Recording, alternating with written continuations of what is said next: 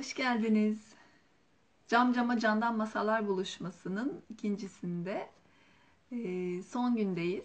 Sohbetlerimiz devam ediyor. Az önce çocuk masalları vardı. Şimdi de sevgili Efe ile masallardaki şifa sembollerini konuşacağız.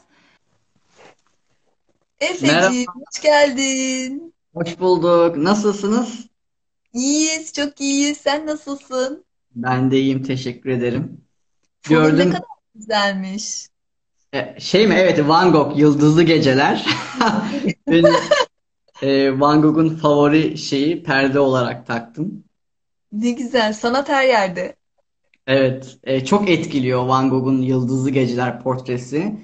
Biliyorsunuz hikayesi de e, muazzam.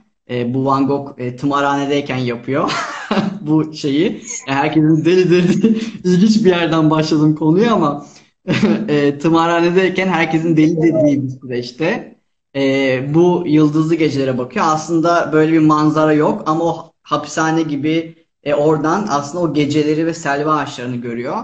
Yıllar sonra anlıyoruz ki Van Gogh burada arkada yaptığı şu dalga formları e, türbülent akış denen e, bir akış biçimi aslında. E, yani iki tür akış vardır. Mühendislikte de bilinir. Laminar flow ve turbulence flow diye iki akış vardır.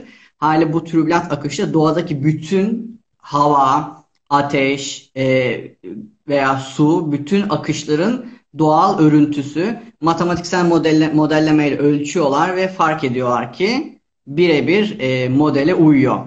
Yani Van Gogh bir nevi e, bütün doğanın hakiki yasalarını görmüş, görmeyi başarmış. Evet, muazzam bir şey. Hoş geldin. Ne güzel Hoş geldin. Evet. Deli deli geldin. Evet. Van Gogh'la beraber. Canım benim. Nasılsın? İyisin inşallah. Siz de bir İyiyim. badireler atlattınız İzmir'de. Tekrar çok geçmiş olsun. Çok Ee, üzerinden teşekkürler. zaman geçti ama orada durumlar nasıl bilmiyoruz tabii. Yani burada biraz daha toparlandı tabii ki. Acılar biraz daha dindi. Çok korku vardı. İnanılmaz bir taşınma oldu. Tabii ki yardımlaşma bir taraftan e, devam ediyor. E, o hani biraz daha sürecektir. E, elimizden gelen desteği de yaptık ama biraz daha artık sakinleşti buralar. Çünkü ilk zamanlarda çok korkutulduk biliyorsunuz yine. E, işte tekrar deprem olabilir. Bu beklenen deprem değil, daha büyük olacak falan gibi. O çok korkuttu aslında İzmir'i. Ee, o açıdan e, o korkular vardı ama şu an daha dingin, daha rahat. Birçok iş taşındı. Biraz buradaki sistem değişti. Öyle. Dilerim e, böyle başka bir acı hem İzmir'de hem ülkemizde yaşanmaz. İnşallah ee, çok geçmiş olsun tekrar. Ee, sana Çok çok teşekkür ederim. ediyorum bu yayına katılmayı kabul ettiğin için.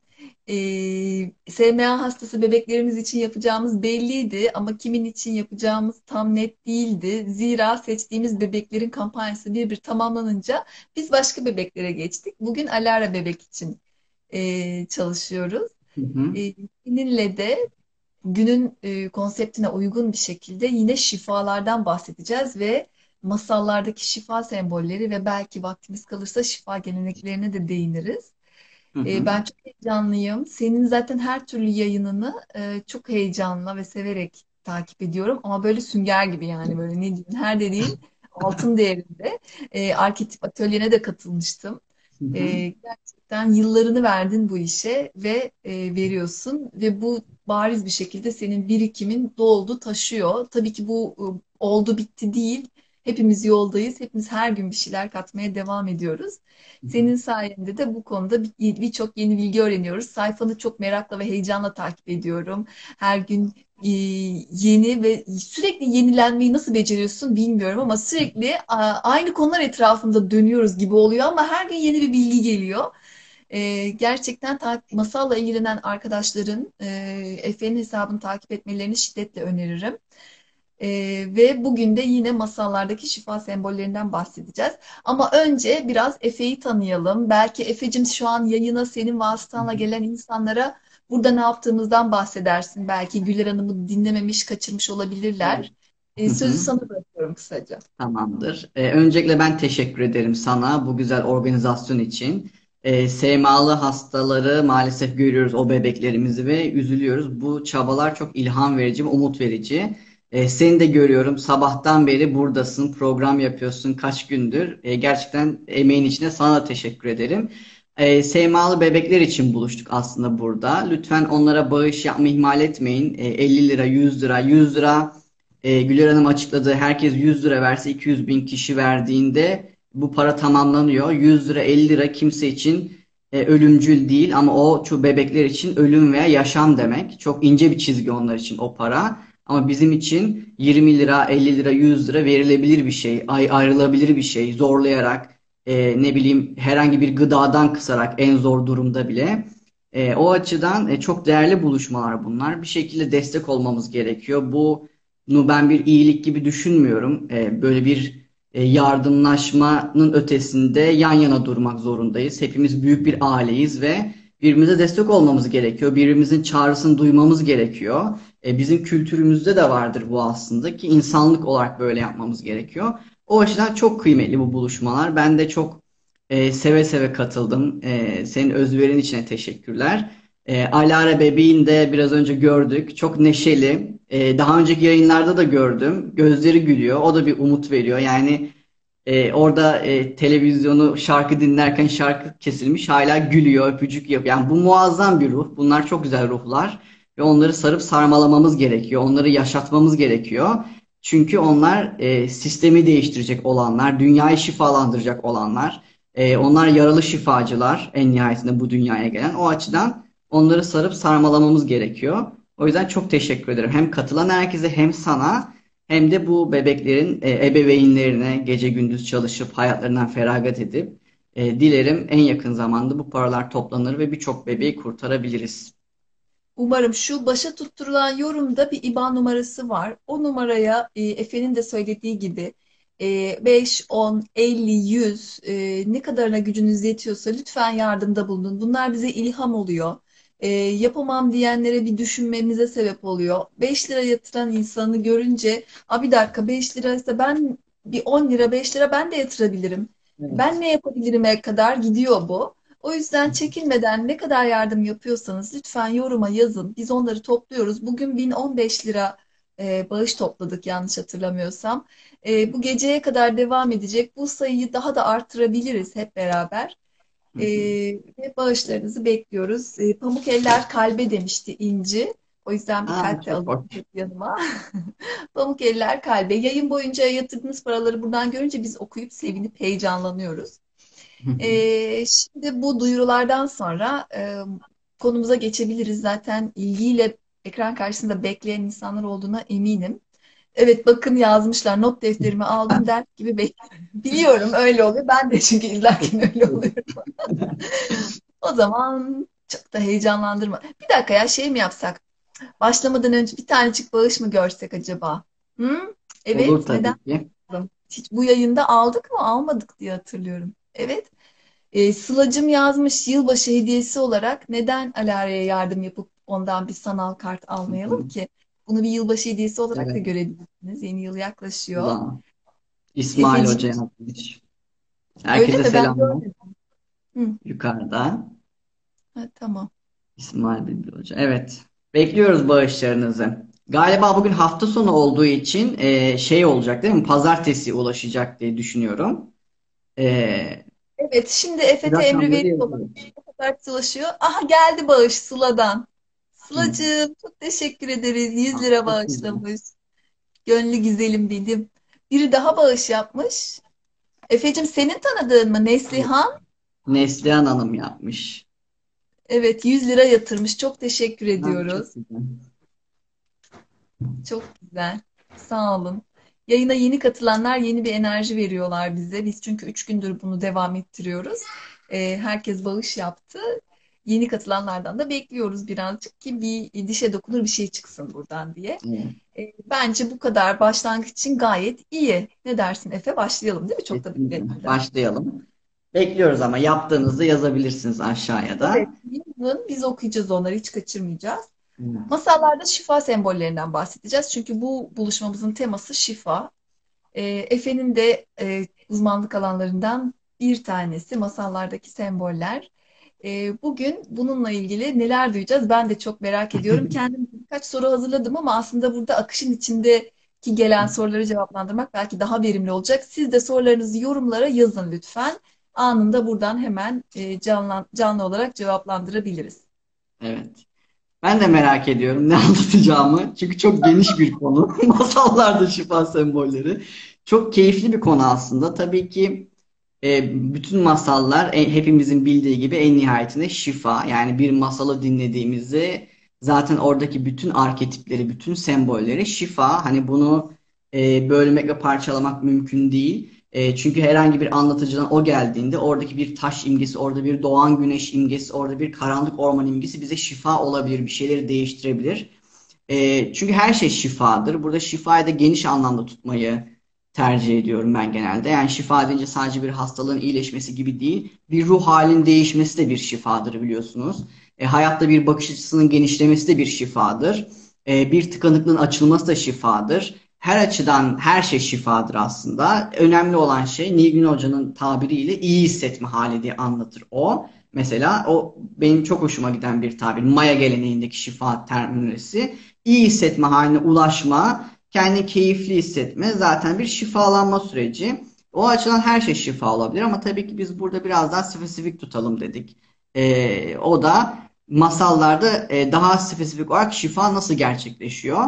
Tabii ki e, eski erkek insan inancına bakmamız gerekiyor masalları anlamak için ve e, kadim insan, erkek insan inancında mevcut her şey olası şifa kaynağıdır. Yani şifanın tek bir kaynağı yoktur. E, su da şifa olabilir, bir taş da şifa olabilir, bir bitki de şifa olabilir, bir e, gökyüzündeki bir e, ayın konumu da şifa olabilir. Yani şifa her yerde, her şeyde ve e, şifa ile dolup taşmış durumdayız. Yani bir ormana gittiğinizde iyi hissetmemeniz gibi bir ihtimal yok sanıyorum ki. İnsansak.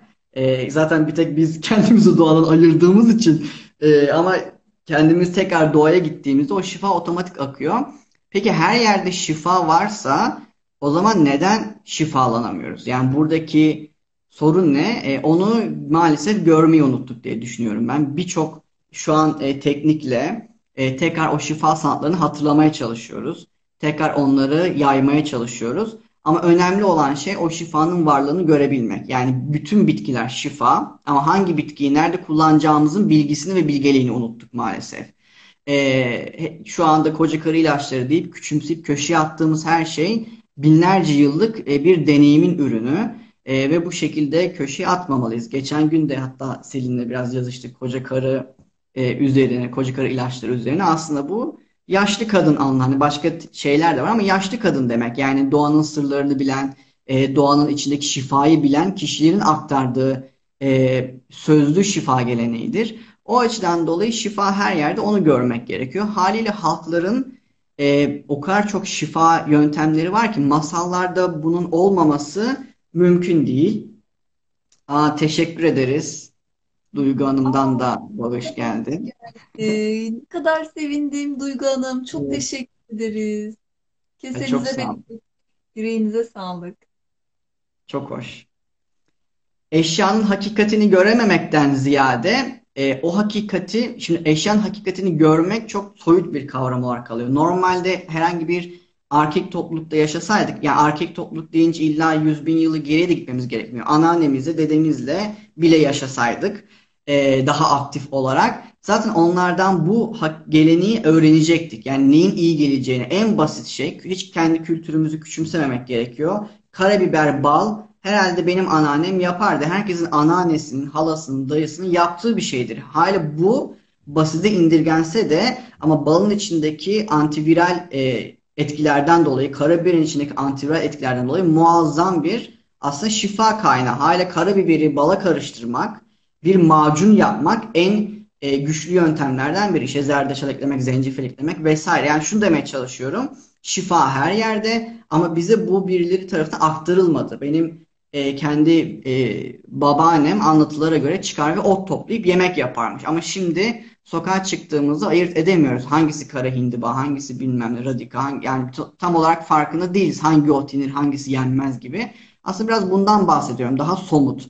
Yani sözlü geleneğin o bilginin aktarılmasında bir kopukluk oldu.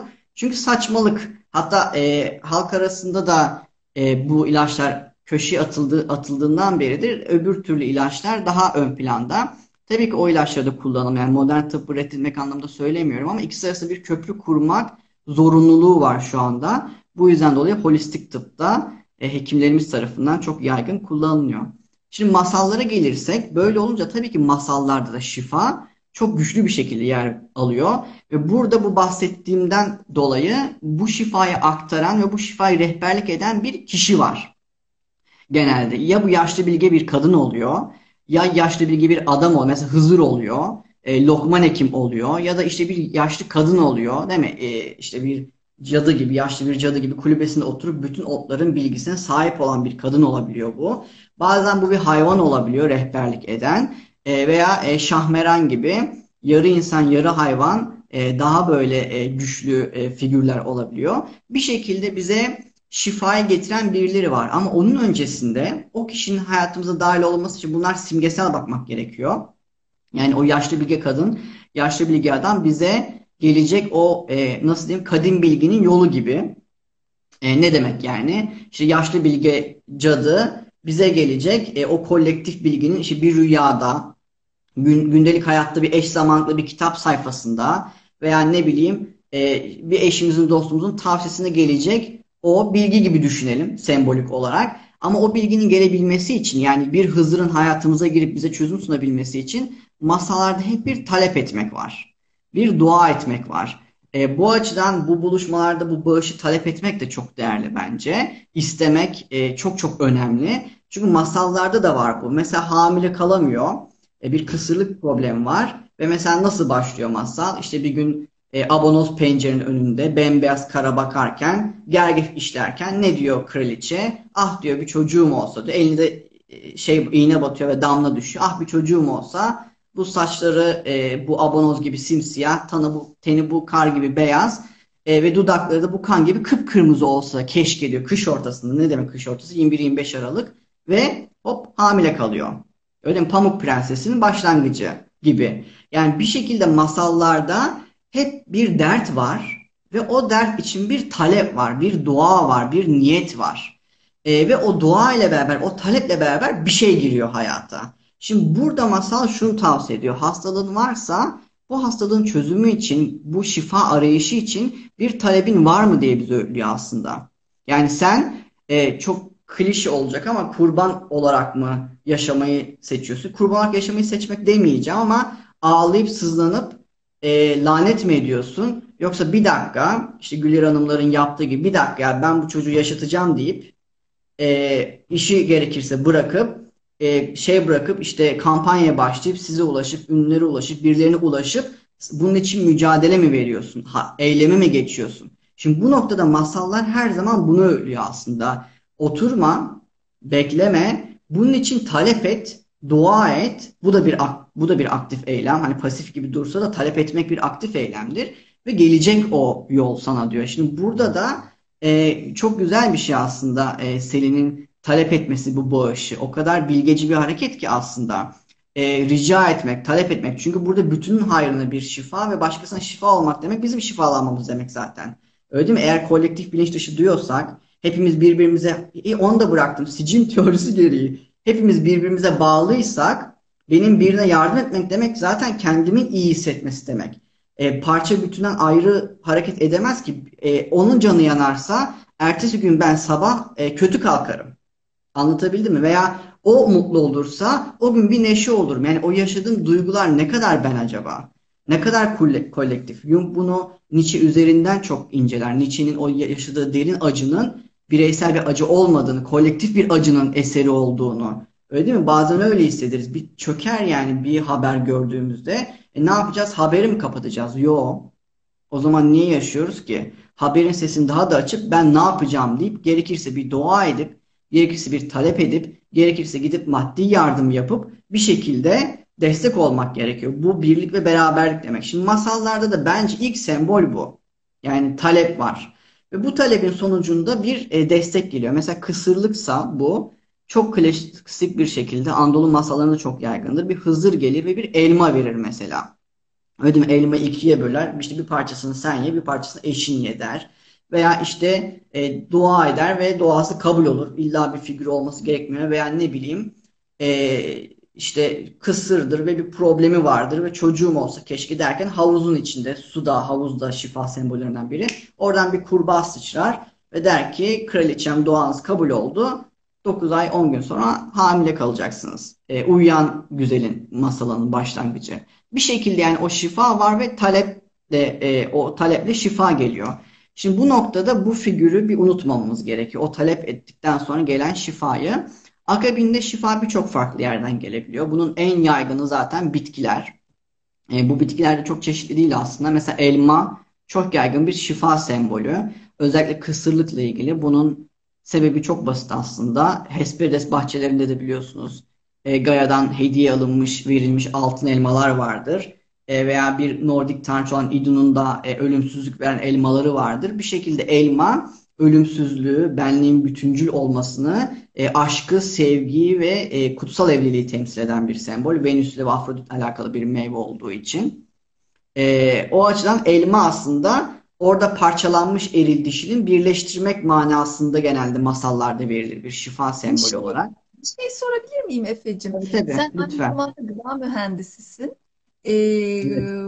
yani or, orijin olarak oradansın aslında. Gıdalarla ilgili de hatta yüksek lisans çalışması e, bu e, mayalan bir e, şey arketipler e, atölyene katılmıştım. Orada şaraplarla ilgili çalışmalarından Evet. bahsetmiştin. Yanlış Hı hı. hatırlamıyorsam.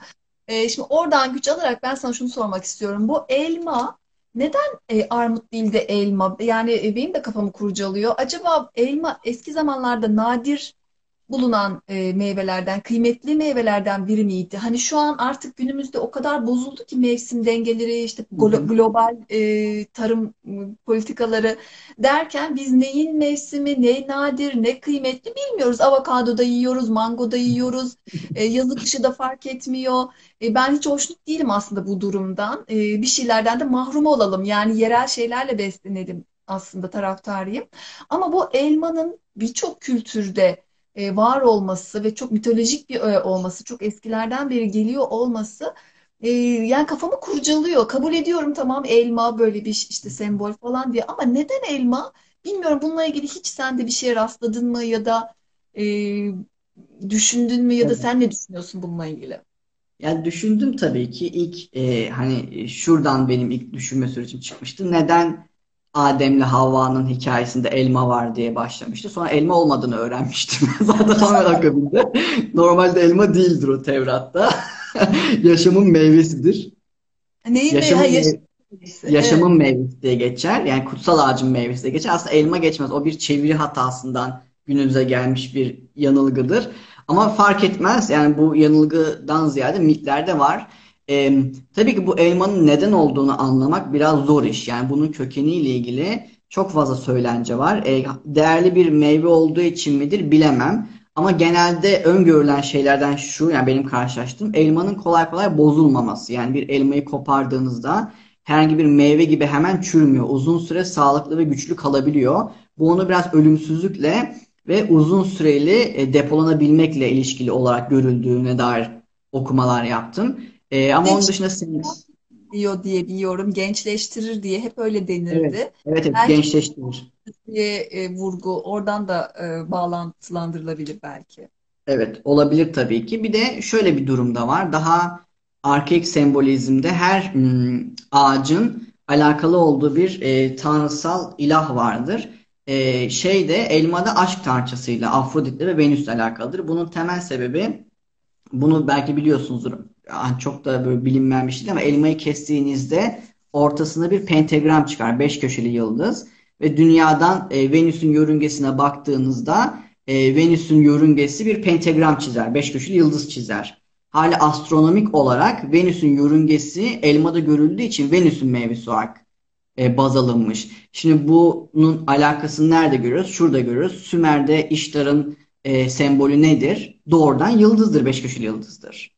E, haliyle hala da beş köşeli yıldız, yani pentagramın bir sürü anlamı var. Daha e, Batı tradisyonunda beş element falan filan da var ama daha arkaik işte Sümer'de orada burada e, beş köşeli yıldız e, Venüs'ün yörüngesi temsil ettiği için aşk tanrıçasının sembolü ve doğrudan e, bir e, elmanın içinde bu beş köşeli yıldızın olması e, onu Venüs'le ilişkilendirmişler. Çünkü arkaik insanın düşünce yapısında bir şey bir şeyle ilişkilendirme var. Mesela ayda görürüz bu. Aya baktığınızda dikkatli bakarsanız ayda bir tavşan figürü vardır.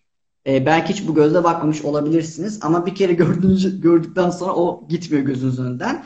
Hale aydaki tavşan diye bir e, sembol vardır. Ve o tavşanın devinimi ayın hareketiyle eşdeğer olduğu için bütün e, dünya inançlarında ay tanrıçasının kutsal hayvanı tavşandır. Mesela Diana'nın kutsal hayvanı yaban tavşanıdır. Yaban tavşanından bahsediyorum bu sırada. Veya Afrika geleneklerinde e, tavşana dönüşmüş e, ay tanrıçalarından bahsedilir. Veya Orta Çağ'da bazı cadıların tavşana dönüşebileceğine inanılır. E, ya da e, Mayalarda işçel, ay tanrıçası formundaki işçel elinde bir tavşanla resmedilir. E, dünyanın bütün coğrafyalarında hatta doğrudan Unut diye bir Mısır tanrıçası vardır. Ay ile alakalı doğrudan başı tavşandır falan. Aile bütün kültürlerde tavşan ay ile alakalıdır. Çünkü ayda tavşan vardır. E, başka sebepleri de var. Sembolizm bu kadar basit olmuyor tabii ki. Gece çıkması tavşanın e, işte gece ormanda görülmesi, bir gece hayvanı olması, bir de tavşanın gözlerindeki yaban tavşanından bahsediyorum. E, deney tavşanından değil, e, daha çok genetik olarak değiştirmiş olandan değil. Yaban tavşanın gözlerine baktığınızda ayın sırlarını görebileceğinize dair söylenceler vardır mesela Ortaçağ yazıtlarında gibi. Hani gece hayvanı olmasından dolayı da. Aynı bunun gibi herhangi bir meyve, herhangi bir mesela portakalın kendi içinde taşıdığı sembolizm güneşle bağlantılı olması gibi. Niye? Güneş gibi parlıyor çünkü. Hale sembolizmin çıkış kaynaklanan biri bu olduğu için Elmada da çok e, şüphesiz bir şekilde işte İştar'dan Venüs'e kadar, Afrodit'e kadar e, bir şekilde aşk tanrıçasıyla bir bağlantısını görüyoruz. E, aşk ne demek? Her şey demek. Yani şu an bizim için e, maalesef şöyle bir şey var. İşte para mı, aşk mı bir şey.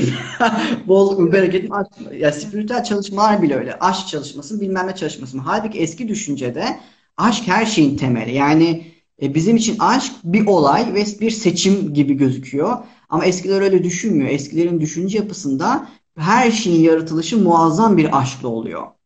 O yüzden doğanın bu kadar güzel olduğunu düşünüyorlar. Şimdi her şeyin özü aşksa aşk tanrıçası eşittir nedir? Yüce Anne'nin en önemli figürlerinden biridir değil mi? Bir tanrıça arketipi olarak yani onun en güçlü görünümlerinden biridir. O yüzden elma da spesifik olarak çok güçlü bir sembol olarak ortaya çıkıyor. Özellikle masallarda. Yani böyle bir e, mitolojik bir bağlantısı da var bir taraftan da. E, ama hani e, dış görünüş, içerik e, açısından e, ortadaki aslında pentagram ve çünkü inanılmaz bir gözlem gücü var. E, Venüs'ün yörüngesinin pentagram şeklinde olduğunu biliyorlar zaten. E, çünkü takip ediyorlar ve onu izliyorlar sonuçta. Venüs güçlü ve görülebilir bir yıldız. Öyle mi? İnanlının yer altına inişi miti neyle alakalıdır? Venüs'le alakalıdır. Venüs'ün üç gün gözükmediği zaman İnanlı yer altında derler. E, haliyle o açıdan dolayı e, Elma ve Venüs arasında güçlü bir bağlantı var tabii ki. Evet, evet. Peki bir şey daha soracağım.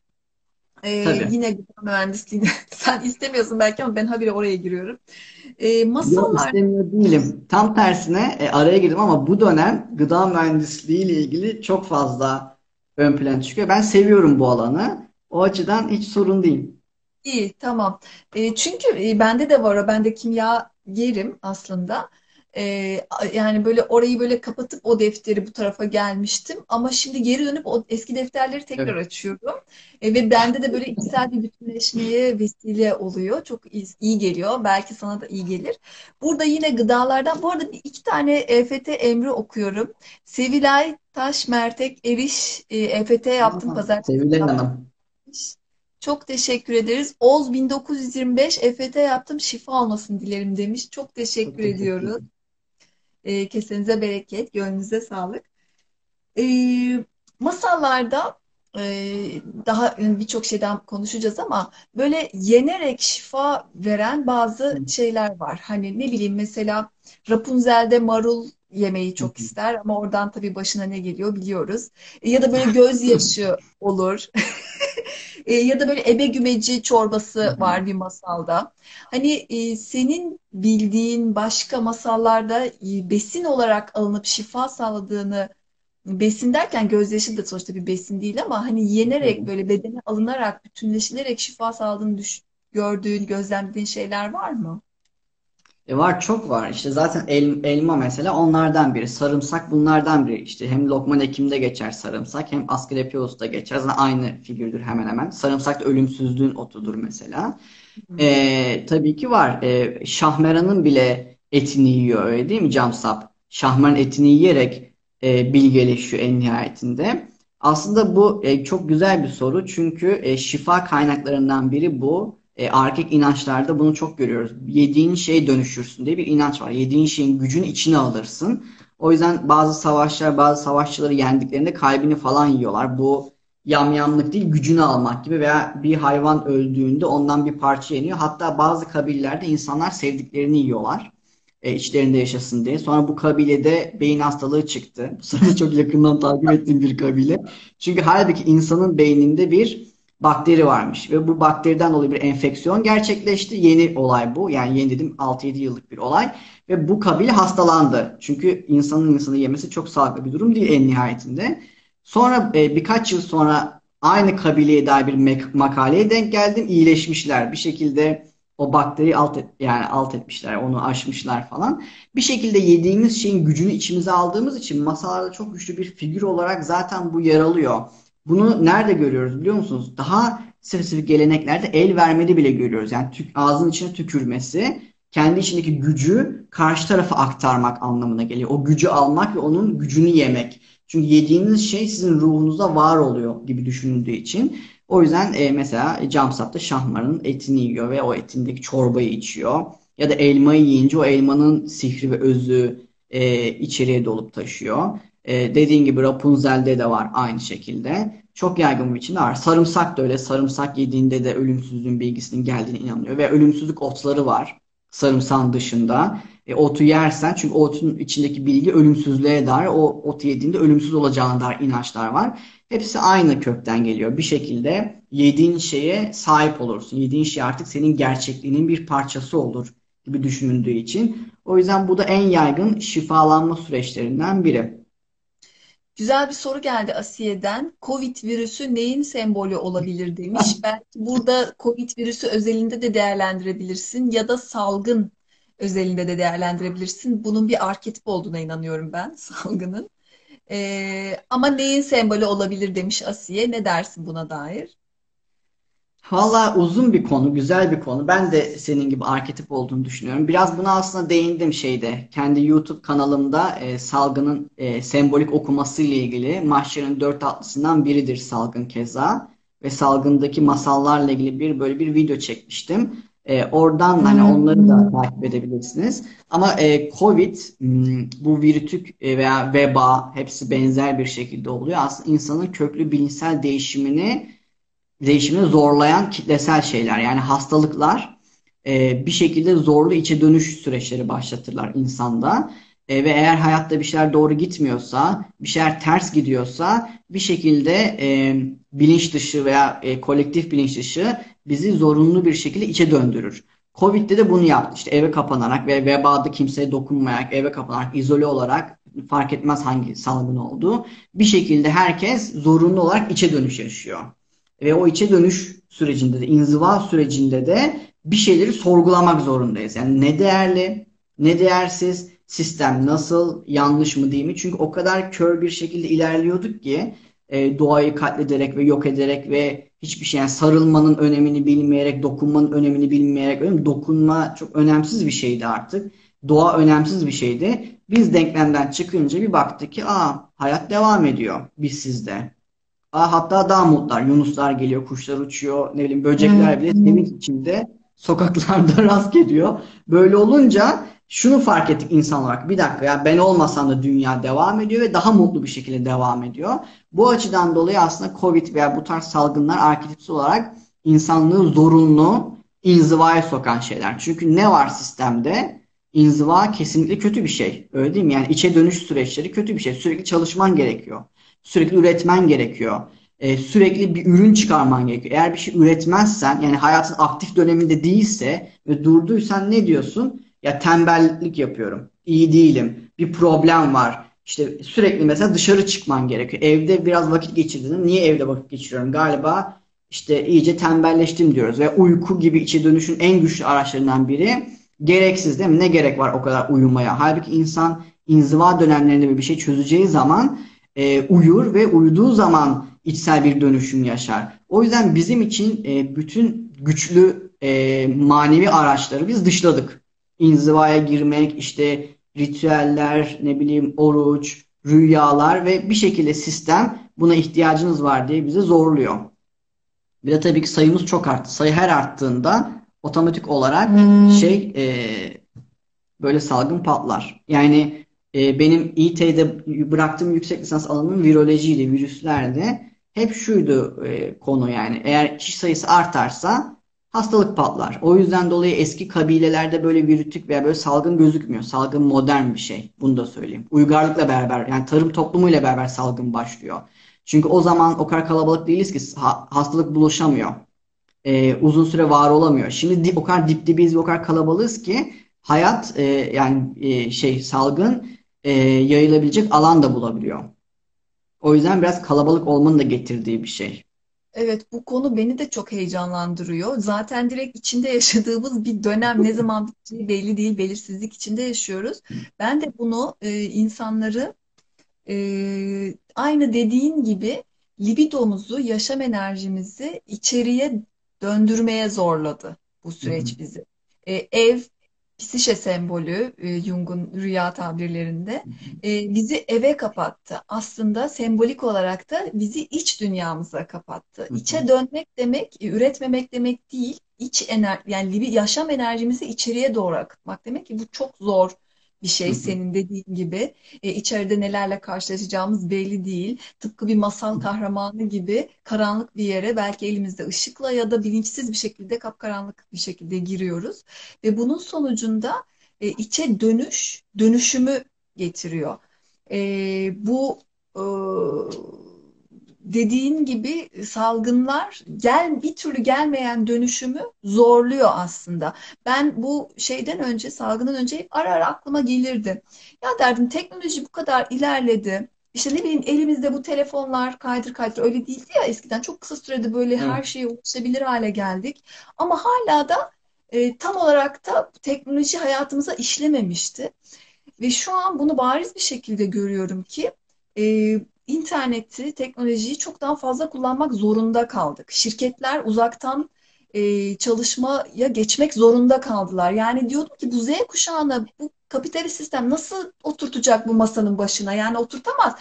E, bunun için değişim şarttı yani çalışma koşulları, çalışma sisteminin değişmesi şarttı ama bu değişim bir türlü gelmiyordu. İşte esnek çalışma saatidir, şudur budur hani firmalar küçük küçük olsa bir şeyler yapıyorlardı ama bir türlü tam olarak olmuyordu. Şimdi onu nasıl zorladı korona? Yani e, sistemleri zorluyor. E, dediğin gibi nüfus arttığı için e, bu korona da çok şey ya e, böyle çok zayıf işte e, kronik hastalığı olan yaşlanmış olan e, nefeste sorunu olan insanları daha çabuk yakalıyor ya.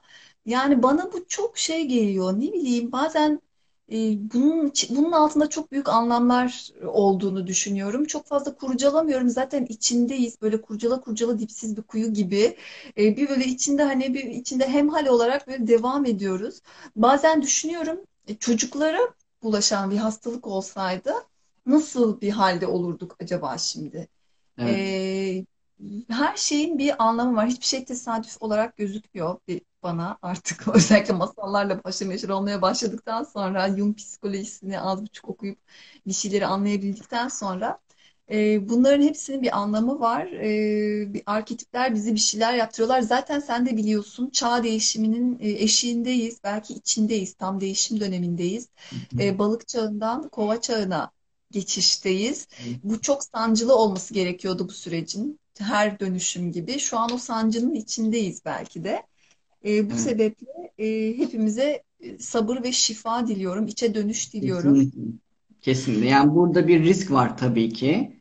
E, şöyle bir risk görüyorum ben. E, şimdi bu bizi içe döndürürken eve işte eve kapandık veya e, bir diğer pozitif tarafı e, doğanın önemini fark ettik. Yani bir apartmanda yaşamak değil, bahçeli bir evde, bahçeli yani doğaya karşı bir sevgi ve saygı ve ilgi de arttı. E, muhtemelen köy yaşamları artacak bence. E, çevremde herkesin öyle hayalleri var. Benim de var. Köylerde yaşamak, minik köylerde gibi. Yani bir değişim yaşatıyor ama bir tehlike var. Şimdi böyle dönemlerden her zaman e, birileri e, sistemi nasıl diyeyim enerji böyle akıyorsa arketip veya libido böyle kolektif libido böyle akıyorsa enerji onu döndürüp isteğine göre çeviren bir mekanizma hep var oluyor. Şimdi bu açıdan teknolojinin bu online biçiminde bir risk de görüyorum ben. Çünkü dediğin gibi ev benim psişemse e, bu evde psişemin içinde işin ne alakası var? E, buraya sokmamalıyım onu. Yani özel hayatın yani normalde bizim özel hayatımız vardı ve o iş çünkü iş dediğimiz şey her zaman için bizi mutlu eden bir şey olmuyor.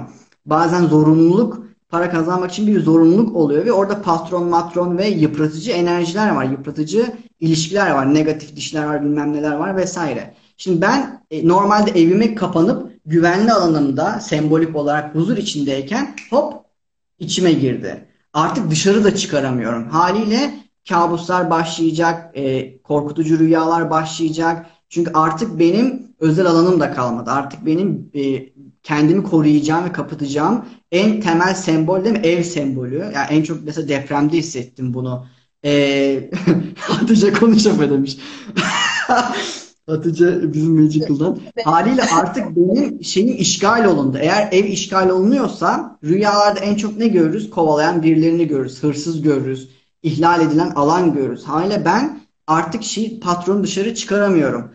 E, iş görüşmesini dışarı çıkaramıyorum. Anlatabildim mi? Bu açıdan burada bir risk var. Sınır ihlali var. Sınır, Evet, evet. sınır ihlali var. Şimdi bu bu arketip bizi bir şekilde hayatın içinde güzel bir şekilde içe dönelim. Hani evimize bakalım, evimizi temizleyelim, evde yemek yapalım. Bunlar güzel işler. Bahçeyle uğraşalım falan. Ve sadece sevdiklerimizle hani kişileri azaltıp ya bu komşuyu görmesem de olur. Zaten sevmiyordum Covid bahanesiyle diye hani bize iyi gelmeyenleri azaltıp çok iyi olduklarımı alanıma dahil edebilme imkanı sağlamışken hop girdi teknolojiyle. Şimdi bu büyük bir fayda sağladı e, bazı sistemlere ama bireylere iyi gelmeyecek. Bu açıdan da e, bir şey olacak. Yani ya bir isyan getirecek bu teknolojiden soğutacak bizi ya daha çok doğaya döneceğiz değil mi? Artık herkes yavaş yavaş sosyal medya detoksuna falan girmeye başladı. Çok doğal.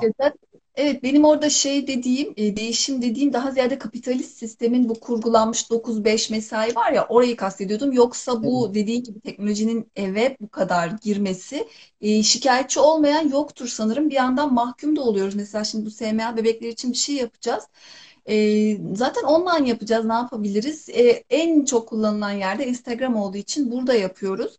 E, ama doğadan uzak kaldıkça e, arazlar çıkmaya başlıyor. Benim mesela gözlerim bozuldu. Çünkü niye? Sürekli baktığım mesafe en fazla 2 metre, iki buçuk metre Evet. evin içinde ne kadar uzağa bakıyorum. E, doğada olsam hiç böyle olmayacak. Göz bozukluğunun bu uzağa bakma ve sürekli hani böyle odaklanırsın ya doğada olduğun zaman uzaktaki bir şeyi görmeye çalışırsın. Bu hep kaslarımızı çalıştırıyor farkında olmadan. Evet. Küçük bir örnek yani göz bozulması dediğim. Buradan masallara bağlayacak olursam az önce sana bir soru soracaktım. Güzel üstüne denk geldi. Sen dedin ki şifa aslında eee, doğa. Hı hı. Doğa neden şifa? Şimdi hem bunu iki açıdan ele almak istiyorum. Hem e, böyle düz bir soru olarak doğa neden insana şifalı? Bir bunu konuşalım. Sonra da bir şey daha soracağım bununla ilgili. Tamam. E çünkü ben doğayım. Yani doğa doğa benim. Yani çok basit bir cevap var. E, ben Homo sapiens olarak e, apartmanda e, evrimleşmedim ki. E, ben 200 bin yılın büyük bir hatta Homo erectus'a varsayalım. Bir- 1.6 milyon yıldır ben doğada yaşıyorum. Avcı toplayıcı deyip aşağılıyoruz bir şekilde ama avcı toplayıcı dediğin kişi doğada yaşayıp mağaralarda konaklayan, doğal yerlerde konaklayan, belki daha minik yapılar yapıyordur, bilmiyoruz. Kalıntılar, buluntular yok ama ateşi yakmayı öğrenmiş bir şekilde doğada yaşıyorum. Hala benim bütün biyolojik sistemim, bütün psikolojim, benim bütün dinamiklerim doğayla uyumlu çalışıyor. Şimdi eğer ben e, bütün dinamiklerim doğayla uyumlu çalışıyorsa doğadan kendimi koparmam demek zaten kaos demek. Sistemin bozulması demek. Mesela bunu nerede görüyoruz? En en yaygın olarak e, NASA çalışanları, astronotları uzaya yolladıklarında ne oluyor astronotlara? Depresyon oluyor, agresiflik oluyor, vücut yapısı bozulmaya başlıyor. Öyle değil mi? Çünkü niye? Bir kere biyolojik saatim dünyaya uyumlu. haliyle başka bir gezegende yaşamaya dair hayaller kuruyoruz. Belki olabilir ama e, acaba biyolojik sistemi oraya nasıl adapte olacağız ve adapte olana kadar kaç nesil acaba heba olacak diye de hep aklıma geliyor daha bilim kurgu olarak. Neyse konumuza gelirsek o açıdan ben e, doğal olarak bir ağaca dokunduğumda ve bir doğal örüntü, orman örüntüsünü gördüğümde çok hoşuma gidiyor. E, çünkü ben binlerce yıldır, milyonlarca yıldır ona bakmışım. Onunla bir olmuşum. O benim yuvam, o benim annem, o benim babam, o benim her şeyim. Hali oradan koptuğum anda şifadan da kopuyorum. Şimdi bu yani 1.6 milyon yıl, hadi 200 bin diyelim Homo sapiens olarak 200 bin yıl boyunca yok buzul çağları bilmem ne çağları dünya üzerinde yaşamak kolay değil. Demek ki ben insan olarak bir şekilde uyumlu yaşamayı bulmuşum. Yani şifalı otlardan, ağaçlardan, köklerden bunların büyük bir çoğunluğu da bu sırada bir konuya da bağlayayım hayvanlarla oluyor. Yani e, temel teorilerden biri şu biliyorsunuz ki bence de doğru. E, yaban domuzlarını izleyip hangi kökün çıkarılacağı öğreniliyor mesela. Çünkü yaban domuzları kök toplayıcılar aynı zamanda. Veya bir e, işte kargalar e, eğer e, bir bağırsak problemi varsa dut yerler mesela. Veya bir köpek ihtiyacı varsa bir otu yer karnı ağrıyorsa ve, ve en basit kedilerimiz kedi otunu çiğnerler kusmak için. Yani bütün e, hayvanlar da otu ve bitkileri kullanırlar bu sırada. Hala ben de onları izleyerek hayvanlardan hangi e, otu kullanabilirim, hangi ağacın gölgesi bana iyi gelir, nerede konaklamamalıyım biliriz. Yani bilirim öyle değil mi? Onu izleyerek. Hala insan ilk başta ilk bu doğanın bilgilerini öğrendiği kişiler de hayvanlar olduğu için masallarda hep e, güçlü hayvan figürlerinden de şifa aldığını görürüz. Mesela Şahmeran bu açıdan çok güçlüdür. Bu tarz başka bir konuya geçtim ama sorun değil galiba. o doğadan e, hayvan sembolizmine geçtim. Hala hayvanlar her zaman benim için öğretmendir. Masallarda da bunu görüyoruz. Mesela çok e, ilginç bir şekilde bu yarı hayvan, yarı insanlar mesela e, senturlar gibi, işte Şiron gibi e, e, şifacının ataları değil mi? Yarı at, yarı insan ve bir titan ve şifayı öğretir. Niye? Çünkü bir tarafı uygar, yani bir tarafı modern insan, bir tarafı vahşi doğa. Bu, bu arketipler Şiron gibi, Şahmer gibi yarısı yılan, değil mi? Toprağın bilgisine sahip, yarısı insan, kadın. Bunlar iki alem arasındaki dengeyi tutturmuş. Yani mitlerde de çok vardır bu. Tiliklere dönüşebilen ilahi figürler, işte e, ne bileyim e, hayvanların dilinden, işte bitkilerin dilinden konuşan Lokman Hekim bunlar yarı doğada, yarı dünyada yaşayan iki alem arasındaki ince çizgide yürümeyi becermiş kişiler. O yüzden bazen bunlar yarı hayvan olarak çok resmedilir. Mesela hmm, ilginç bir şey var. Altın Kuş diye bir masal var. O masalda e, bir e, yani uzun bir masal ama kısaca e, bir dizi macera yaşıyor. Bir kurt işte bir küçük tayı var. Sonra kurt tayı yiyor ve kurt ona rehberlik ediyor. Bütün masal boyunca kurt ona yol gösteriyor. E, ve en nihayetinde bunu kardeşi bir e, genç kızı kurtarıyor. Bir prensesi kurtarıyor. Tam evlenecek. Bu küçük kardeşin abileri kazık atıyor. Bu çok vardır masallarda. Kazık atıyor ve öldürüyorlar.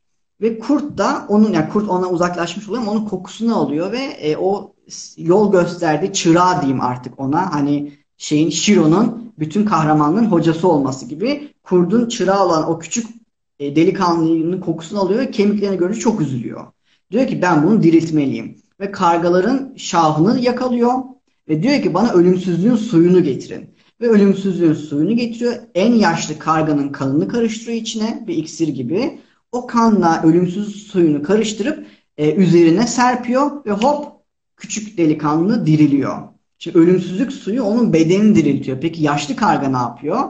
Kargalar alemler arasındaki seyahat edebilen hayvanlar olduğu için ruhunu getiriyor yaşlı karganın kanında. Yaşamını getiriyor. Nefesi getiriyor yani. Bu açıdan baktığımızda çok güçlü bir şekilde rehberlik eden, yol gösteren hayvanlar vardır. İşte mesela kurttan türeyiş. Boşuna değil bir hayvandan türediğimizi düşünmemiz. E, veya işte başka e, Amerika yerlerinde de vardır. Kartalların soyundan gelmek. Bir hayvanın soyundan gelmek gibi anlatılır. Onun enerjisine, onun arketipine bağlı olmak. O açıdan şifada yani doğadan şifa alırken sadece doğadanın hani ağacı ve bilmem nesi evrimleşmek değil. Doğa bana öğretiyor. İlk öğretmenim o.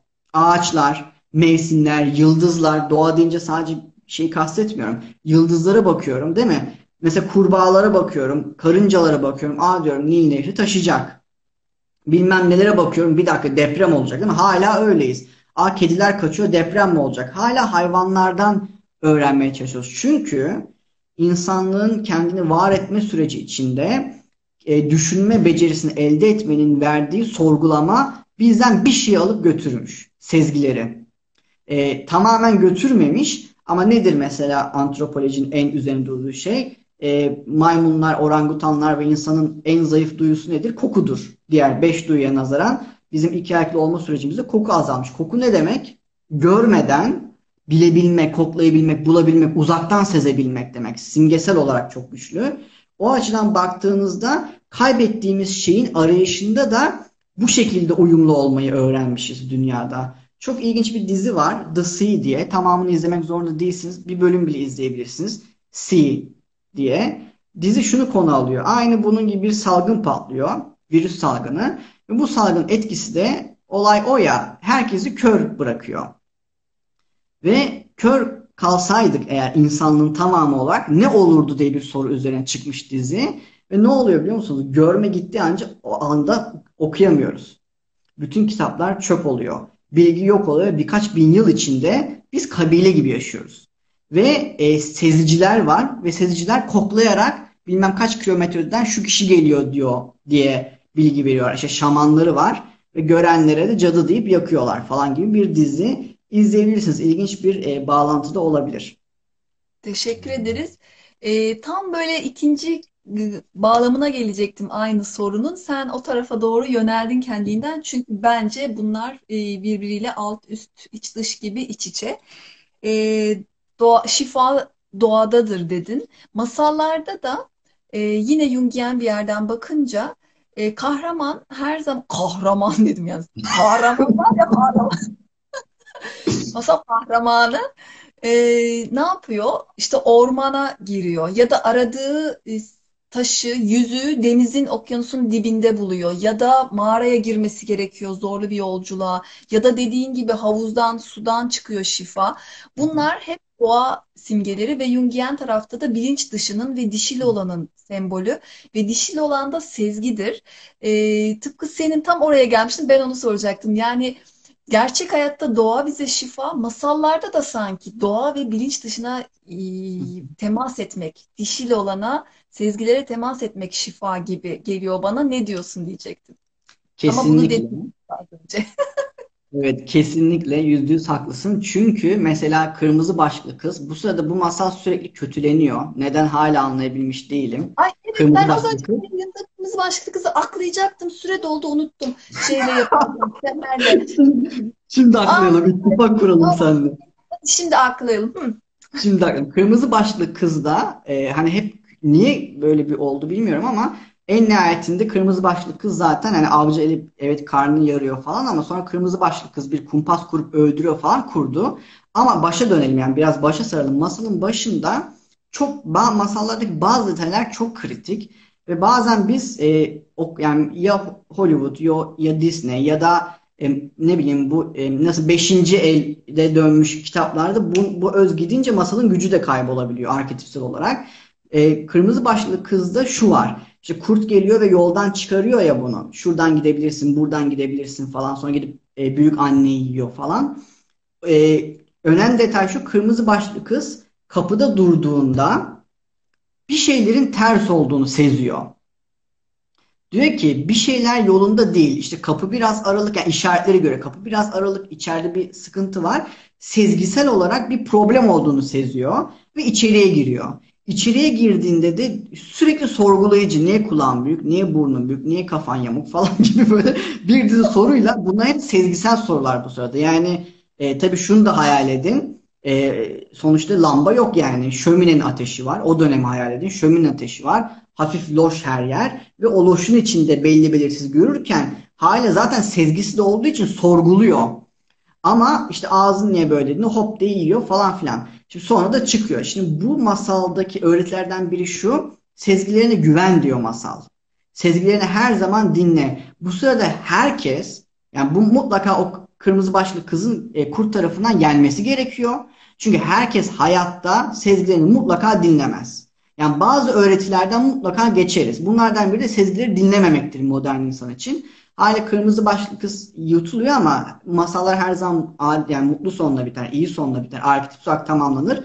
Oradan kurtarıldıktan sonra içine bir şeyler koyup işte bir tür e, Alman sosisi gibi bir şey bağlayıp sonra onu kuyuya düşürüp yani oradaki yalağa düşürüp boğultturuyor falan kırmızı başlı kız. Yani planı ve projeyi yapan o. Yani zeki bir kız. Salak salak gezmiyor ormanda. Şimdi bu açıdan bakınca masalda zaten sezgi ön planda. Yani sezgilerin dinle ama masalın işlevlerinden biri şudur zaten. E, dinlemezsen ne oluru da vermek zorunda. Çünkü olasılık düşündürtür çocuğa ve bireye. Öyle değil mi? Yani e, bunu olmazsam ne olur? Bu olursa bu olur ve nasıl bunu anlayabilirim ve üstünden bunu çözebilirim de vereceği için masal.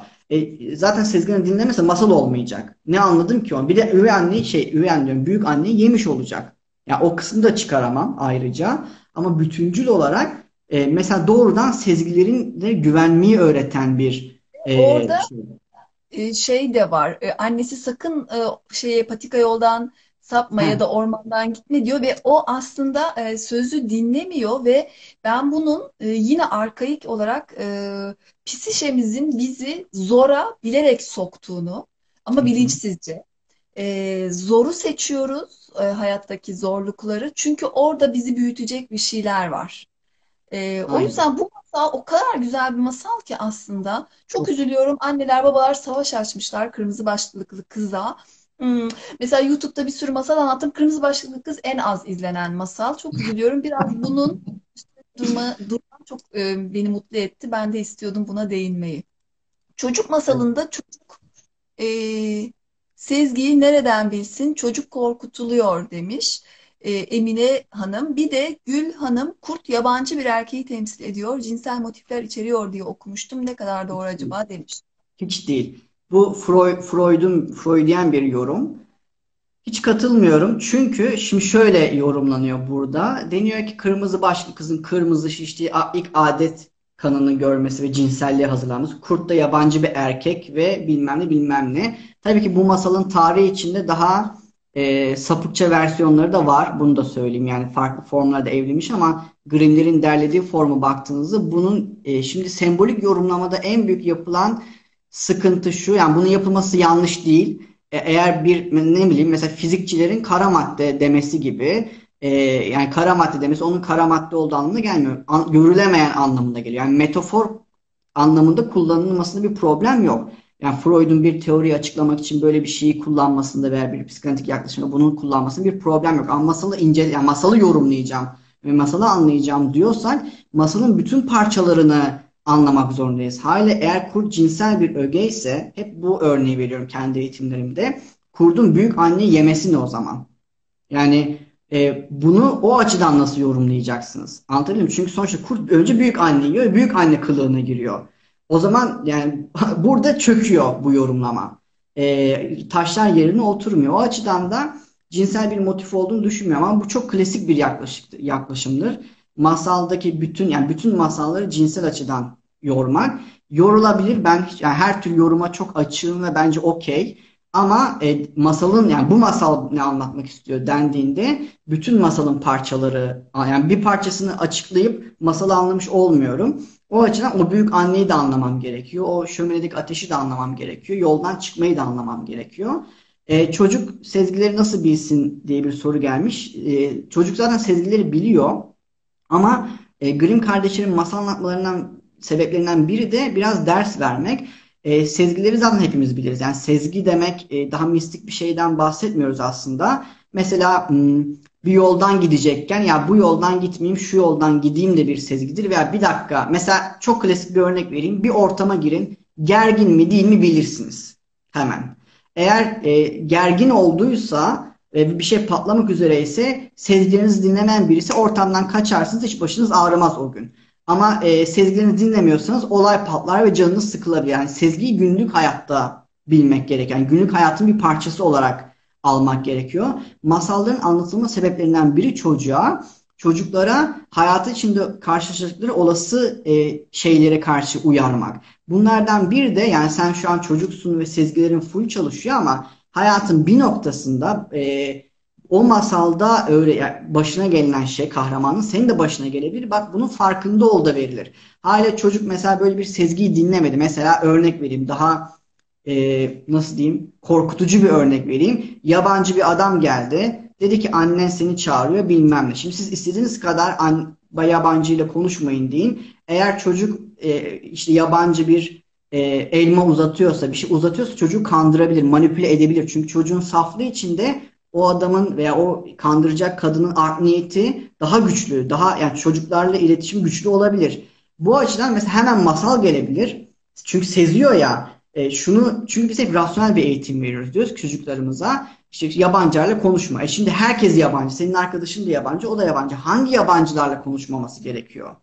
Kendi çocukluğunuzdan pay biçin. Hepimiz çocuk olduk. Ben kendi çocukluğum üzerinden de gidiyorum. Hale benim için ya nasıl bazı köpekler sezer ve havlamaya başlarsa değil mi? Bazı kötücül insanları, her insan olmak zorunda değil ama hakikaten hırsızsa bilmem neyse havlayabilir köpekler, sezebilir. Bir çocuk da sezer, sevmez mesela. Yaklaşmaz yanına.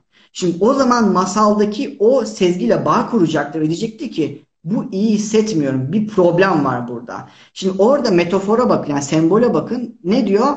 İşte kulakları niye bu kadar büyük büyük an yani tanıdığı biriyle yabancı biri arasındaki farkı ayırt ediyor. Diyecek ki bu cümlenin aynısını annem de söylüyor diyecek. Ama annem değil. E, bak sana bu hediyeyi veririm. Bu cümleyi babam da söylüyor ama babam değil. Bütün bu çıkarımları e, daha derin yapabilmesini kırmızı başlı kız masalıyla sağlayabiliriz aslında çocuklara. Yani o sezgi olduğunda otomatik bir sorgulama gelir. Hatta bazen sezgisel öfke gelir. Yani bir dakika dur beni kandırıyorsun gibi. Hali bütün bu sorgulama ve sezgi prosesi süreçtir ya bu. Bu süreci bu masalla anlatabilmek mümkün. O açıdan e, çocukları korkutuyor mu? Tabii ki çocukları korkutabilir bütün masallar. Ama çocukları korkutmasa çocuklar korkuyor zaten. Çünkü doğal olarak e, sadece çocuklar değil hepimiz öyle. Fobi dediğimiz şey zaten var hayatın içinde. Ölüm korkusu yok. Deprem oldu burada İzmir'de.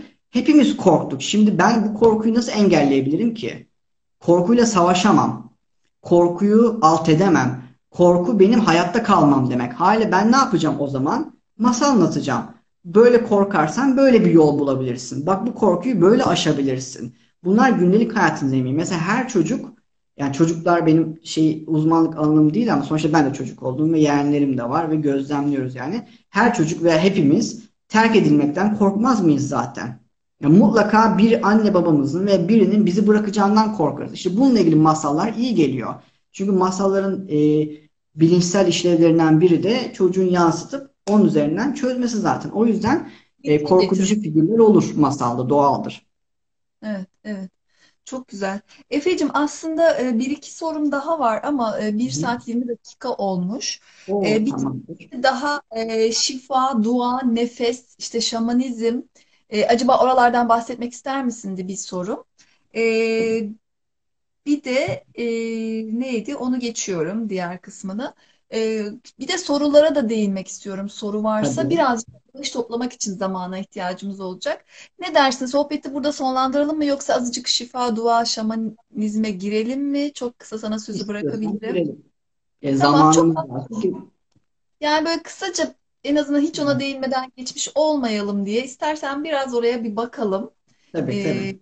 Ee, gözlerimizi oraya çevirelim. Sonra soruları alalım. Sizde sorularınız varsa yazabilirsiniz yorumlara. Hazır Efe burada canlı olarak e, cevaplayacak. Çok zor sormayın ha. Sorabilirsiniz ya zor sorular. Bilmiyorsan sorgulama eğitiyor daha keyifli. O zaman Ee, soru serbest.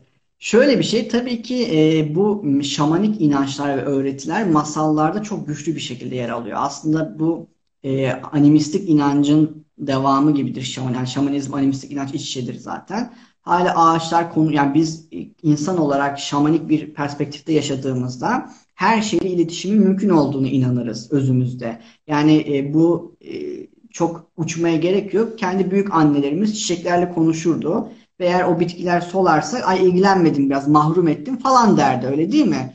E, aynı bunun gibi hepimiz aslında e, doğayla iletişim içindeyiz ve onlarla konuşabileceğimize dair bir inanç taşıyoruz. Mesela çocuklar bunu çok yapar. Salyangozla konuşur, ağaca sarılır, e, oradaki taşları toplayıp kendi minik altarlar yaparlar falan. Çocuklar böyle çok açıktır o animistik ve şamanik inanç kendi bilinçlerinde. Hala aslında masallarda bu var. Yani masalların beslendiği kaynaklardan biri insan olmanın temel inançlarından biri. Yani hayvanlar, insanlar, e, ağaçlar her şey birbirine giriş biçim, girmiş biçimdedir. Peki bunun temelleri ne? Çok özetle. Temelleri şu. Birincisi her şey birbirine dönüşebilirdir. Yani bir ağaç konuşabilir, bir kuş insana dönüşebilir, bir insan bir hayvan dönüşebilir. Hala bu antropolojik inancı da direkt masallarda görüyoruz zaten. E, her şey birbirine dönüşebilir halde. Şimdi bu neyi sağlıyor? Bu aslında biraz başta da konuştuğumuz gibi kişinin kendi içindeki daha erkek tarafı olan bilinç dışıyla bağ kurmasını sağlıyor. Bizim masallar doğrudan o vahşi tarafımızdaki vahşi burada öldüren ve parçalayan anlamında değil. Vahşi olan, işte sezgisel olan, rüyalar gören, işte e, bilinmeyenin farkında olan, içinden geldiği gibi bir şey yapıp doğru çıkandan bahsediyor. Yani o doğayla uyumlu olan kişiye biz şu anda vahşi diyoruz. Hani parçalayan anlamda değil sadece. Çünkü biraz öyle bir e, algıda olabilir. Bu yani biz biliyoruz ama belki hiç aşina değilse kişiler vahşi ne demek diye. Bu açıdan dolayı e, o şamanik inancı, şamanik bakış açısını çok güçlü masallarda görüyoruz. Bu da ne demek biliyor musunuz? Doğayla bir olmak, birbirimizle bir olmak ve e, doğanın dilinden anlamak demek. Bireysel anlamda da kendi dilimden anlamak demek. Bilinç dışımın dilinden, duygularımın dilinden, bedenimin dilinden. O yüzden e, güçlü bir şifa aracı. Bir sürü şamanik e, şifanın da olduğunu görüyoruz. Mesela Akpamuk diye bir masal var. Yine ondan bahsetmiştim daha önce.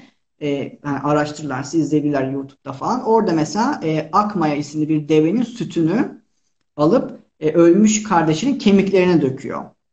Bir ritüel aslında bu. Ve seremoniyle beraber o kemikler diriliyor e, tabii ki Akma'ya da çok kızıyor çünkü sütünü vermek istemiyor ve gökyüzüne yükselip Samanyolu galaksisinin o Milky Way deniyor ya e, klasik o MIT'e bağlanıyor. E, galaksi oluşturuyor. Veya işte kemikleri Amerika yerlerinde kemikleri koyup dört yöne dua ederek diriltme seremonileri var. Bunların her birine ölüp dirilme en güçlü motiflerden biri ve çok şamanik bir şeydir bu. E, tasavvufta da geçer ya ölmeden önce ölünüz gibi. Bir şekilde insan yer altına gitmeli erginlenme ritüelinde özellikle ve yer altından yeni bir bilinçle tekrardan doğmalı. Bu da bir şifa. E, hayatın o yüzden çok kriz noktalarında tekrar toprağa gömüp çıkarmalı ritüeller vardır. O açıdan e, şamanik e, şifayı, şamanik inancı çok güçlü masallarda görüyoruz. Masallardaki bütün doğaüstü diye tabir ettiğimiz olaylar bir dönemi inancı e, ve bakış açısı. Onu beslemesi de bizi e, atalarımıza, köklerimize ve gerçek kimliğimizi bilinç dışına bağlıyor. O açıdan da değerli buluyorum. Teşekkür ederim. Ee, bir soru gelmiş. Hadi. Ee, içinde salgın geçen masalın adı nedir diye. Ben Efe'nin YouTube kanalında Efe'den dinledim o masalı direkt. Salgın diye bir Evet. masal. Bu mu soruyor acaba? Efe'nin YouTube kanalında bulabilirsiniz. Evet. Onu Ee, ben yollayayım Sevilay Hanım'a. Ee, güzel bir masal. teşekkür Sil. ederim. Hani yazmışsın zaten. Ha, doğru yazdım mı diye soracaktım sana onu. Şimdi salgın dönemlerinde böyle masallar çıkıyor zaten çok fazla. Ee, bu masallar da e, genelde uyarıcı oluyor temelde. Yani ona dokunma, buna dokunma falan gibi. Genelde e, bir manevi e, anlam arayışı vardır zaten salgınlarda. Neden başımıza geldi gibi. Orada biraz inceledim zaten bakabilirsiniz. Teşekkür Yollarım ederiz. ben. Başka soru var mı? Varsa e, değinelim. Masallar dini motif kullanır mı demiş Gül Hanım. Şimdi çok güzel bir soru bence. Ee, özünde e, görürüz dini motif tabii ki. Hızır gibi, Lokman Hekim gibi. İşte mesela bazı Anadolu masallarında Peygamber Efendimizin ayağının bastığı toprağa getirin şifa için falan gibi söylemler vardır. Veya Hristiyanlıkla ilgili işte İsa veya e, Meryem Ana, e, Grimm kardeşlerin masallarında geçer. Dini motifler var. Lakin e, dini motifler güçlü değildir, arketipseldir e, masalların en büyük işlevi dinsel ve mitik unsurlardan daha e, yalıtılmış, daha üzeri olmuş olmalarıdır. O açıdan tabii ki dini motifler var ama bu dini motifler e, güçlü yani dinsel hikayeler değil, daha çok efsaneler, söylenceler gibi. Bu da kültüre göre değişir. Çok komik bir şey söyleyeyim size. E, Hindistan'da e, Durga ile, ile ilgili bir masal. E, ilk Sıla'dan dinlemiştim bunu. Hortlan 25 öyküsündeydi galiba yanlış hatırlamıyorsam. Ee, orada işte Durga'nın tapınağına giriyor iki tane adam ve bir tane de bir işte adamlardan biri onun e, şeyi kocası, biri erkek kardeşi. Ve bir şekilde kavga ediyorlar. Durga'ya saygısızlık yapıyor ve Durga onların kafalarını kesiyor. Ve sonra kadın çok ağlayınca tamam diyor Durga, Tanrıça Durga, sana izin veriyorum diyor. Bunların kafalarını birbirine yerleştir. Ve birbirlerine yerleştiriyor kadın hemen. Tabii koskoca Tanrıça falan. Hem kafayı kesmiş hem şifa vermeye niyet etmiş. Hemen kafaları yerine koyuyor ve bir anda bir çıkıyor ki o da ne? Yanlışlıkla kocasının kafasını e, kardeşinin bedenine, kardeşinin kafasını e, kocasının bedenine takmış falan ve tabii bu prensleri etmek için olan bir masal olduğu için Hindistan'da hangisi kocasıdır, hangisi kardeşi diye soruyor. E, şimdi bu masalın aynısını ben Eskişehir Masalları diye bir kitapta okudum. E, anne tarafım Eskişehirli olduğu için merak edip aldım ne var diye. Ve çok komik aynı olay oluyor ama bütün bu olayı yapan kişi Hızır. Onlar gibi birbirlerinin kafalarını kesiyor ve kafaları kestikten sonra Hızır'a yakarıyor. Hızır da hadi bakalım Allah'ın adıyla Bismillah diyor ve kafaları koydurdu. Şimdi bu masanın orijini Hindistan ve tabii ki Durga olarak gelmemiş. Bu toprağa gelince Hızır olmuş. O yüzden dini motifler masallardaki hakikaten de çok mm, dini değildir. Daha arketipseldir, daha masal karakterine dönüşmüştür. E, ama tabii ki mitik veya dini e, bir altyapıdan beslenir. Bunu reddedemeyiz. Yani Hızır kültünden, işte e, kendi e, yerel destanlarından, efsanelerinden beslenir. Ama dediğim gibi yani Durga'yı Hızır ya Hızır olmuş bu topraklarda. Böyle olabilir. Bir problem yok yani. Çünkü Evet. dini anlatı değil. Dini anlatı kutsaldır. Yani bir mevlüt düşünün. Bu bir dini anlatıdır. Masal değildir. Öyle değil mi? Çok keskin bir ayrım vardır masalın. Ama tabii ki dini motifler bu perspektifte var. Evet. Teşekkürler soru için de, cevap için de Efe'cim. Ben teşekkür Ee, ederim. şimdi artık sevgili Alara için bağış zamanı arkadaşlar. Ee, İnci canım arkadaşım pamuk eller kalbe dedi dün. Biz de onu benimsedik. Bir tane kalp de getirdim. Ee, yayında epeyce bir insanız. Şu ana kadar 3 gündür e, bağış yapan arkadaşlar hani tamam sizi artık rahat bırakıyorum ama yeni katılanlar varsa Efe ile beraber aramıza gelenler varsa e, SMA hastalığıyla mücadele eden Alara bebek için yapıyoruz biz bu etkinliği. Şu başa tutturulan gönderide e, bir IBAN numarası var. Oraya e, gönlünüzden ne geçerse 5, 10, 50, 100, 200 artık ne e, gücünüz yetiyorsa bir EFT emri vermenizi ve bize yorumlara ne kadar bağışladığınızı yazmanızı rica ediyoruz. Çünkü biz o yorumları topluyoruz. E, motivasyon olması için hepimize. Ve Öznur'dan rica ediyorum acaba bugün ne kadar topladık bu ana kadar onu da bir bilelim. Ve biz şimdi yorumlarda sizin bağışlarınızı bekliyoruz. Çok teşekkürler. Sana çok Ee, güzel bağışlarınız için de. Evet. Emeğinize sağlık Selin sizin de gerçekten bu organizasyon için e, şifa oluyorsunuz. E, dilerim Alara bebeğimiz e, o gülen yüzüyle daha da güler hayat boyu. Diğer bütün bebeklerimiz de öyle. Ben benim inancım tam e, muazzam bir sevgi var, sarıp sarmalama var. Toplumu bir arada tutuyor. Dediğim gibi bu bebekler e, yaralı şifacılar, e, hepimizi birbirimize bağlayan bebekler. O yüzden dolayı e, toplanacaktır bence. Çok teşekkürler destek olan herkese de. Bağış yollayan. Bunu bir 2215 lira olmuş şimdiye kadar. Çok güzel, teşekkür ederiz. Bunun üstüne biraz daha ekleyelim. E, bunu yılbaşı hediyesi olarak düşünebilirsiniz. Alara'nın e, ay çok ayıp yazılır mı buraya? Yazılır yazılır vallahi bize motivasyon oluyor. 10 lira gönderen de yazıyor, 500 lira, 1000 lira gönderen de yazıyor.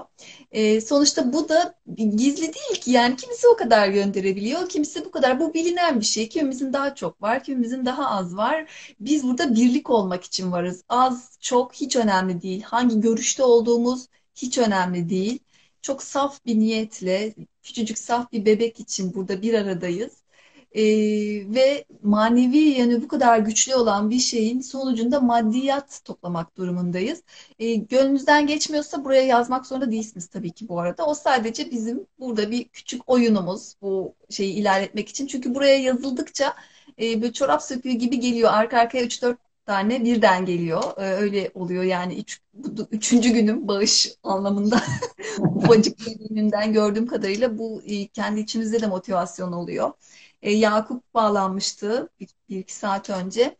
O da az da olsa çekinmeyin. E, 10 lira yatıracağım ben mesela dedi ve onun arkasından 10 lira yatırdı birçok insan.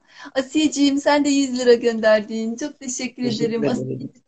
Yolun başından beri e, bizimle beraber hep destek sunuyor her anlamda. Çok teşekkürler. Öznur 20 lira gönderdi. Çok teşekkürler Öznur. Kesenize bereket, ederim. sağlık. Bağışlarınıza talibiz. Evet. Sizden de razı olsun tabii ki.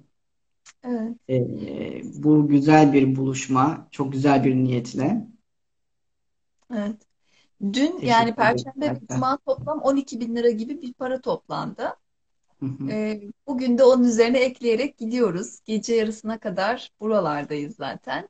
Ee, her yeni gelen katılımcılardan böyle az buçuk ne kadar gönüllerinden kopuyorsa aha 20 lira daha geldi sevgili Yasin'den. Canım çok teşekkür ederiz. Kesene bereket. Çok sağ ol.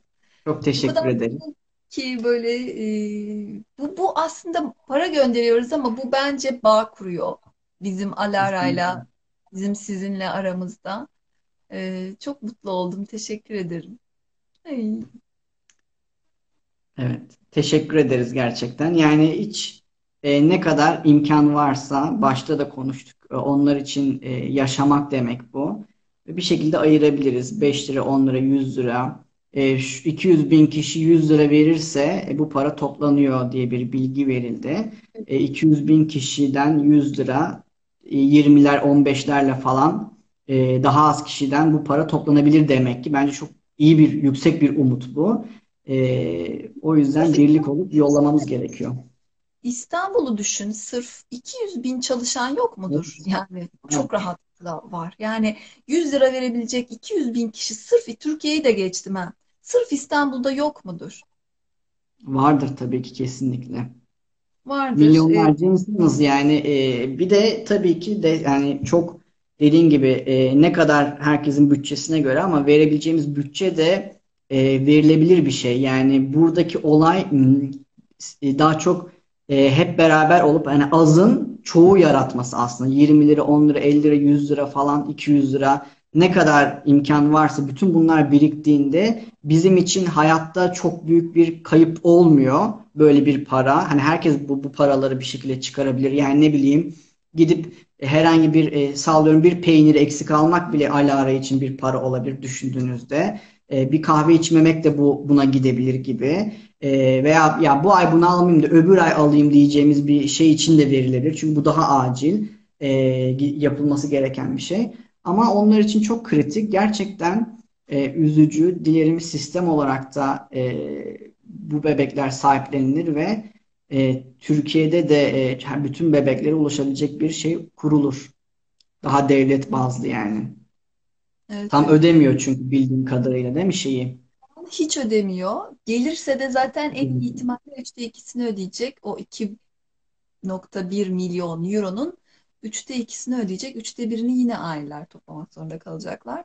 E, tamamını da karşılar umarım bir gün gelir. Şu an hiç karşılamıyor zaten de Hmm. üçte de Evet. razıyım da hani şu an aslında olması gereken e, ücretsiz olması tabii ki. Çünkü hayati bir şey bu ya. Yani bu ne ben bazen düşününce hafiften sıyırma noktasına geliyorum. Yani böyle ölümcül bir hastalık var ve buna ilaç bulunuyor. Bir kere bu muhteşem, mucizevi bir şey ya. Ölmüyor artık. Düşünebiliyor musun? Ölecek kesin. Evet. Çünkü bu böyle yani deneyimlenmiş. Kas üretemiyor vücutları ve yavaş yavaş kas dediğimiz sadece koşmak, yürümek değil. Bir süre sonra kalp kasına, işte akciğer, nefes almaya, yutkunmaya, öksürmeye kadar gidiyor. O kadar kaybediyorlar yani fonksiyonlarını.